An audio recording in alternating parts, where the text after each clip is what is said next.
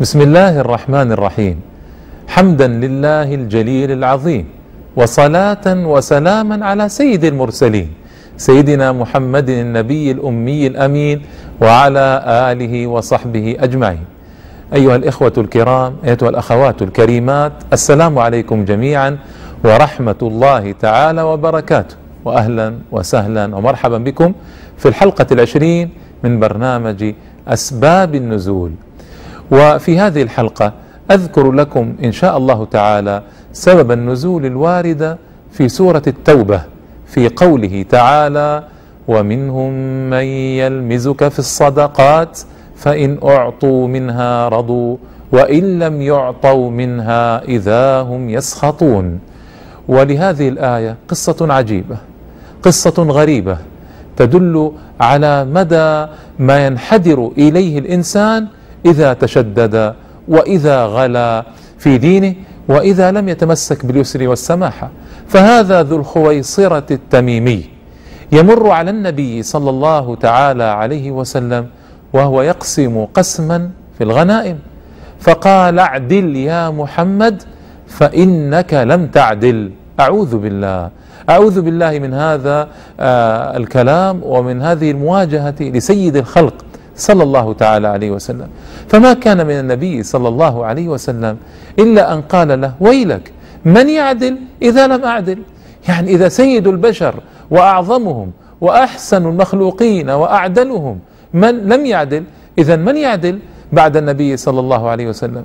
فهم أحد الصحابة بقتله رضي الله تعالى عنه فقال دعه يخرج من ضئضئ هذا من صلب هذا رجال تحقرون صلاتكم مع صلاتهم وصيامكم مع صيامهم.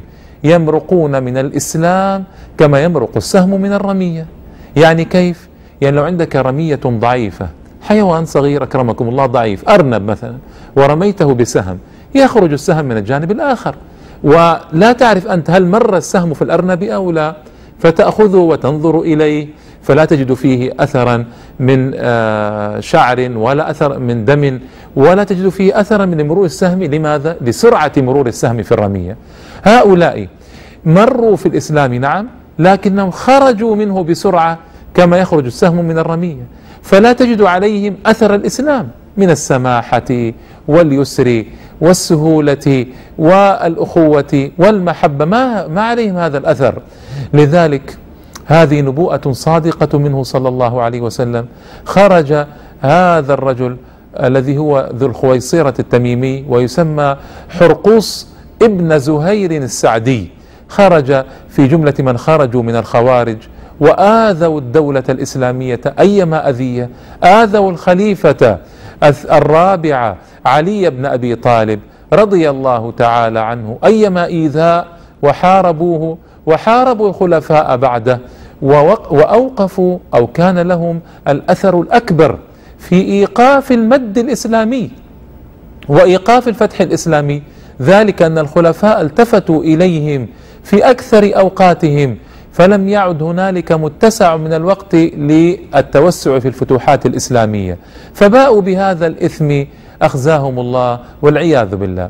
والخوارج أيها الإخوة والأخوات يصفهم ابن عباس لما أرسله علي بن أبي طالب إلى معسكرهم فيقول لهم دوي في القرآن كدوي النحل وجباههم وأيديهم ومثل ركب الإبل من خشونتها وسجودهم على الأرض وتطويل سجودهم وعليهم أثر العبادة.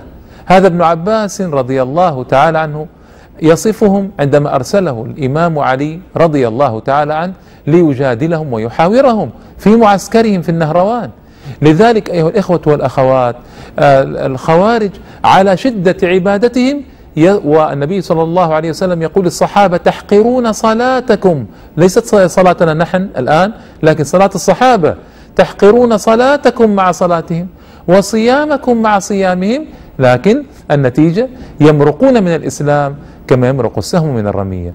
لذلك العبرة في ديننا أيها الإخوة والأخوات ليست فقط بكثرة الصلاة وكثرة الصيام وكثرة التعبد لكن في أمرين. الإخلاص والمتابعة النية الصادقة والمتابعة لرسول الله صلى الله تعالى عليه وسلم. وديننا يقوم على السماحة والسهولة واليسر. فلو تشددنا في الدين ولو غلونا في ديننا ولو لم نتوغل فيه برفق كما أمر النبي صلى الله عليه وسلم ماذا يجري لنا؟ يجري مثل ما جرى لأولئك الخوارج. لذلك نرى اليوم بعض الناس في دينهم شدة وقسوة وغلظة على المؤمنين للأسف. والله تبارك وتعالى يقول يا أيها الذين آمنوا قاتلوا الذين يلونكم من الكفار وليجدوا فيكم غلظة. لم يقم من المؤمنين لكن الغلظه على الكافرين ليست على المؤمنين. ويقول الله تبارك وتعالى محمد رسول الله والذين معه أشداء على الكفار رحماء بينهم. هذه هي الصفة الصحيحة أن نتراحم مع إخواننا المؤمنين وأن نكون أشداء على الكافرين. أما الخوارج ماذا يصنعون؟ يقلبون المسألة يتراحمون مع أهل الذمة والكافرين كما ثبت في آثار ويغلظون على المؤمنين ويشتدون عليهم وهذا بسبب جهلهم والذي أوقعهم في هذا هو عدم معرفتهم الحقيقية بتعاليم الإسلام الصحيحة السمحة. وإلا لو عرفوها لما وقعوا في هذا الخطأ العظيم. لذلك بعضهم كان كانوا يقتلون الصالحين ويتركون الكافرين. لذلك مر جماعة منهم بعبد الله بن خباب بن الأرت وأرادوه على أن يروي حديثا عن أبيه خباب رضي الله عنه وعن رسول الله صلى الله عليه وسلم. فروى لهم حديثا فماذا صنعوا به؟ قربوه إلى النهر وذبحوه كما تذبح الشاة. أعوذ بالله من هذا الصنيع. وكانت امرأته حاملا فبقروا بطنها وأخرجوا جنينها والعياذ بالله فقتلوا ثلاثة أنفس. ثم مروا أكرمكم الله على خنزير لأهل الذمة فضربوه بسيفهم. فلاموا من صنع هذا وبحثوا عن النصراني الذمي حتى أرضوه في خنزيره. سبحان الله العظيم. تقتلون عبد الله بن خباب بن الأرت التابعي ابن الصحابي وزوجه وجنينه ثم لا تتسامحون في قتل خنزير. هذه هذه هذه الأفكار السيئة هذه الأفعال الخطيرة للخوارج. هذا الذي يؤدي إليه الجهل بالإسلام وبسماحة الإسلام. لذلك النبي صلى الله عليه وسلم حذرنا فقال صلى الله عليه وسلم بابيه وامي إن هذا الدين متين فأوغلوا فيه برفق. وكم رأينا من أناس آه، تشددوا وغلوا ثم انقلبوا آه، والعياذ بالله ونكصوا على أعقابهم وتركوا التزام بهذا الدين. آه، الأمور أيها الإخوة والأخوات ليست آه، تؤخذ هكذا إنما الأمور تؤخذ بمتابعتنا للسنة الشريفة الكريمة المطهرة. وفي رسول الله صلى الله عليه وسلم أعظم أسوة وقدوة وفي الصحابة العظام رضي الله تعالى عنهم أجمعين أحسن أسوة وقدوة. لا ينبغي لنا أن نتشدد في ديننا. وينبغي أن نتأدب آه، مع آه، الصالحين منا ومع عظمائنا وكبرائنا. انظروا ماذا صنع ذلك الأعرابي مع رسول الله صلى الله عليه وسلم. فكان جزاؤه والعياذ بالله أن خرج من صلبه رجال قاتلوا المسلمين وأفسدوا في الدين. نسأل الله تعالى بأسمائه الحسنى وصفاته العليا أن يقينا من شر تلك العاقبة وأن يثبتنا على دينه. اللهم يا مقلب القلوب والأبصار ثبت قلوبنا على دينك. اللهم يا مصرف القلوب صرف قلوبنا على طاعتك. هذا والله تعالى أعلم وأحكم.